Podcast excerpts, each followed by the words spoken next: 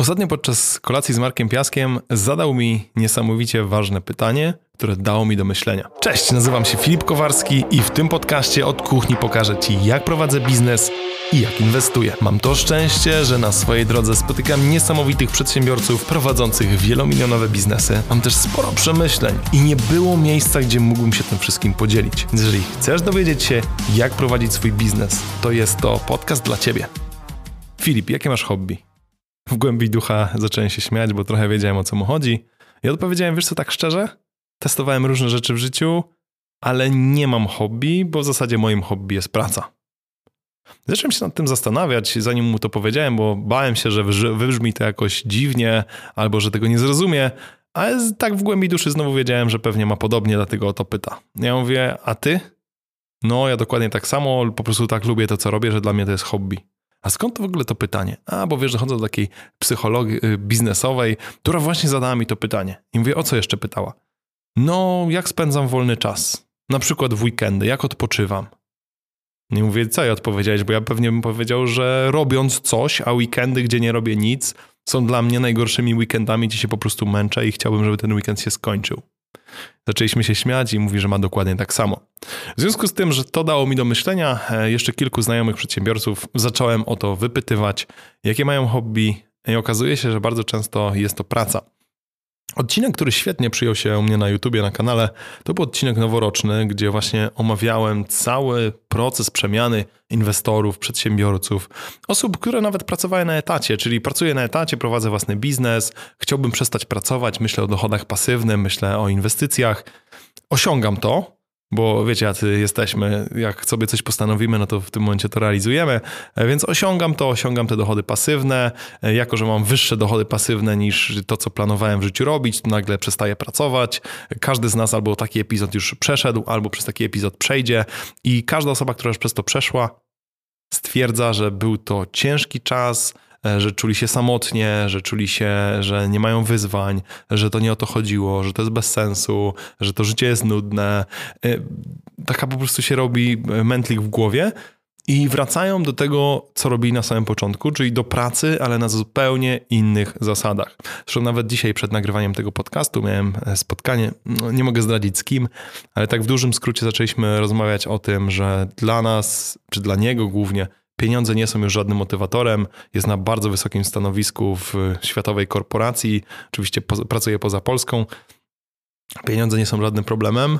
Problem jest tylko to, że nie czuje takiej sprawczości, nie czuje wyzwań, nie czuje odpowiedzialności za to, co robi, bo korporacja jest na tyle duża, że nawet jakby popełnił błędy, to nikt go za to nie ukara i to jest normalne, więc chciałbym wreszcie poczuć e, jakiś taki trochę smak ryzyka może.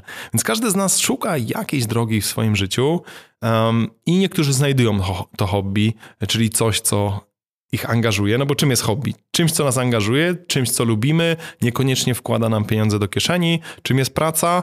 E, taka podstawowa praca jest czymś, czego nie lubimy, ale musimy to robić, bo dostajemy kasę. A na tym drugim etapie, czyli jak już przejdziemy, gdzie zrozumiemy, że praca sama w sobie nas rozwija, to wtedy praca jest dla nas takim hobby, tylko z tym plusem, że praca wkłada nam pieniądze do kieszeni. I podczas praktycznie każdej dyskusji, którą teraz prowadzę z przedsiębiorcami, bardzo często przewija się kilka rzeczy, które chciałem tutaj poruszyć, bo jak zaczniesz zwracać na, na to uwagę, to też może szybciej po prostu zrozumiesz to co, e, to, co jakby mi zajęło lata, żeby zrozumieć. Przede wszystkim czuję, że większość przedsiębiorców lub osób, które się rozwijają, inwestorów, ma taki główny problem, który nazywa się samotność. Samotność przedsiębiorcy, samotność inwestora. Spotykamy się ze starymi znajomymi, którzy no, w większości wypadków zostali w tym miejscu, w którym ich zostawiliśmy kilka lat temu. Oni nie cisnęli tak mocno jak my, oni się tak nie rozwijali jak my. Zaczyna się okazywać, że nie do końca mamy wspólne tematy. Oni dalej pracują na etacie, my już prowadzimy firmę, my już inwestujemy, robimy coś innego niż oni. I nasz jakby zakres wspólnych tematów on się trochę zaczyna kurczyć. Pewnie możemy gadać o tym, jak było kiedyś, możemy gadać, co tam u nich, i to wszystko jest fajne, ale jak przechodzimy na taki trochę głębszy poziom, że chcemy pogadać o naszych problemach, o naszych wyzwaniach, wątpliwościach, to nie są to już osoby, z którymi jesteśmy w stanie na ten temat pogadać. A z drugiej strony każdy przedsiębiorca, inwestor jest taki trochę samotnym wilkiem. No wiadomo, mamy dookoła siebie ludzi, ale mamy takie wrażenie, że my nie, tymi problemami też się nie możemy z nikim podzielić. To, co ja głównie doceniam w spotkaniach inwestorskich, na szkoleniach, które robię, na zjazdach absolwentów później, jest właśnie to, że otaczam się ludźmi którzy rozumieją moje wyzwania, problemy, e, no i sukcesy. Mogę się komuś pochwalić, że zarobiliśmy 100, 200, 500 tysięcy, czy nawet milion na jakieś nieruchomości i dla tych ludzi to nie będzie coś, o co oni będą zazdrośni, tylko to będzie, wiecie, poklask na zasadzie świetnie to zrobiłeś, jak to zrobiłeś. Szczere zainteresowanie, e, które pozwala mi też się wygadać, ale jak mam jakieś wątpliwości albo problemy, też mam z kim na ten temat pogadać. Czyli te relacje to wiecie, czasem nawet to nie jest to, że ja muszę z kimś gadać o biznesie. Gadamy o pierdołach, ale czuję, że te osoby dokładnie nadają na tym samym poziomie co ja, że się rozumiemy w zasadzie czasem nawet bez słowa i nawet nie musimy gadać o tym biznesie, a i tak się dobrze bawimy. Więc to jest dla mnie taki fundament, że to, co robię, otaczając się fajnymi ludźmi, to jest krok numer jeden do tego, żeby cieszyć się tym, co się dzieje w naszym życiu. Bo jeżeli jesteśmy w czymś samotni, to nieważne jak to jest fajne, ile tam jest pieniędzy, to na koniec dnia wracamy do domu i czujemy taką pustkę, taką samotność, Pewnie mamy partnera, partnerkę, możemy się tym podzielić, nie? Ale jednak brakuje nam takich osób, które myślą podobnie jak my. Dwa, wyzwania. Czuję, że bez wyzwań zupełnie nie ma pracy, nie ma e, sensu, dlatego często ludzie się męczą w korporacjach czy pracując na etacie, ale czasem nawet prowadząc biznes, który stał się zbyt przewidywalny, że nie ma tych wyzwań, gdzie mogliby czuć, że coś się rozwijają skrzydła, że muszą mocno pomyśleć, że to jest coś e, ciekawego do zrealizowania. Bo dla mnie optymalizowanie podatków, cięcie kosztów to nie jest żadne wyzwanie. Wyzwaniem jest zrobienie czegoś nowego, czegoś świeżego, czegoś, co po prostu znowu sprawia, że krew e, szybciej płynie, że serce bije szybciej gdzie szukać tych wyzwań i inspiracji? Bardzo często otaczając się innymi ludźmi, którzy też czują, że to są takie trochę, no, nie, może zawody, takie zawody, że konkurujemy trochę ze sobą, kto zrobi więcej, kto zrobi ciekawiej. Oczywiście nie kosztem życia, ale jednak będziemy mieli takie podejście, że e, są osoby, które dookoła nas się rozwijają i skoro wszyscy pędzą do przodu, e, robią fajne rzeczy, też byśmy chcieli i często po prostu posłuchanie tego, co oni robią, już napędza nas do działania i mówimy, hmm, to jest coś, co też chciałbym robić. I trzecia rzecz, która po prostu za każdym razem u takich osób się pojawia, to wolność. Wolność wyboru, wolność z kim się spotykam, wolność co robię i nawet wolność łamana na dowolność, bo to, że ja w wolnym czasie nie pracuję, tylko na przykład gdzieś wyjeżdżam, to za każdym razem jest to dla mnie trochę takie wyzwanie.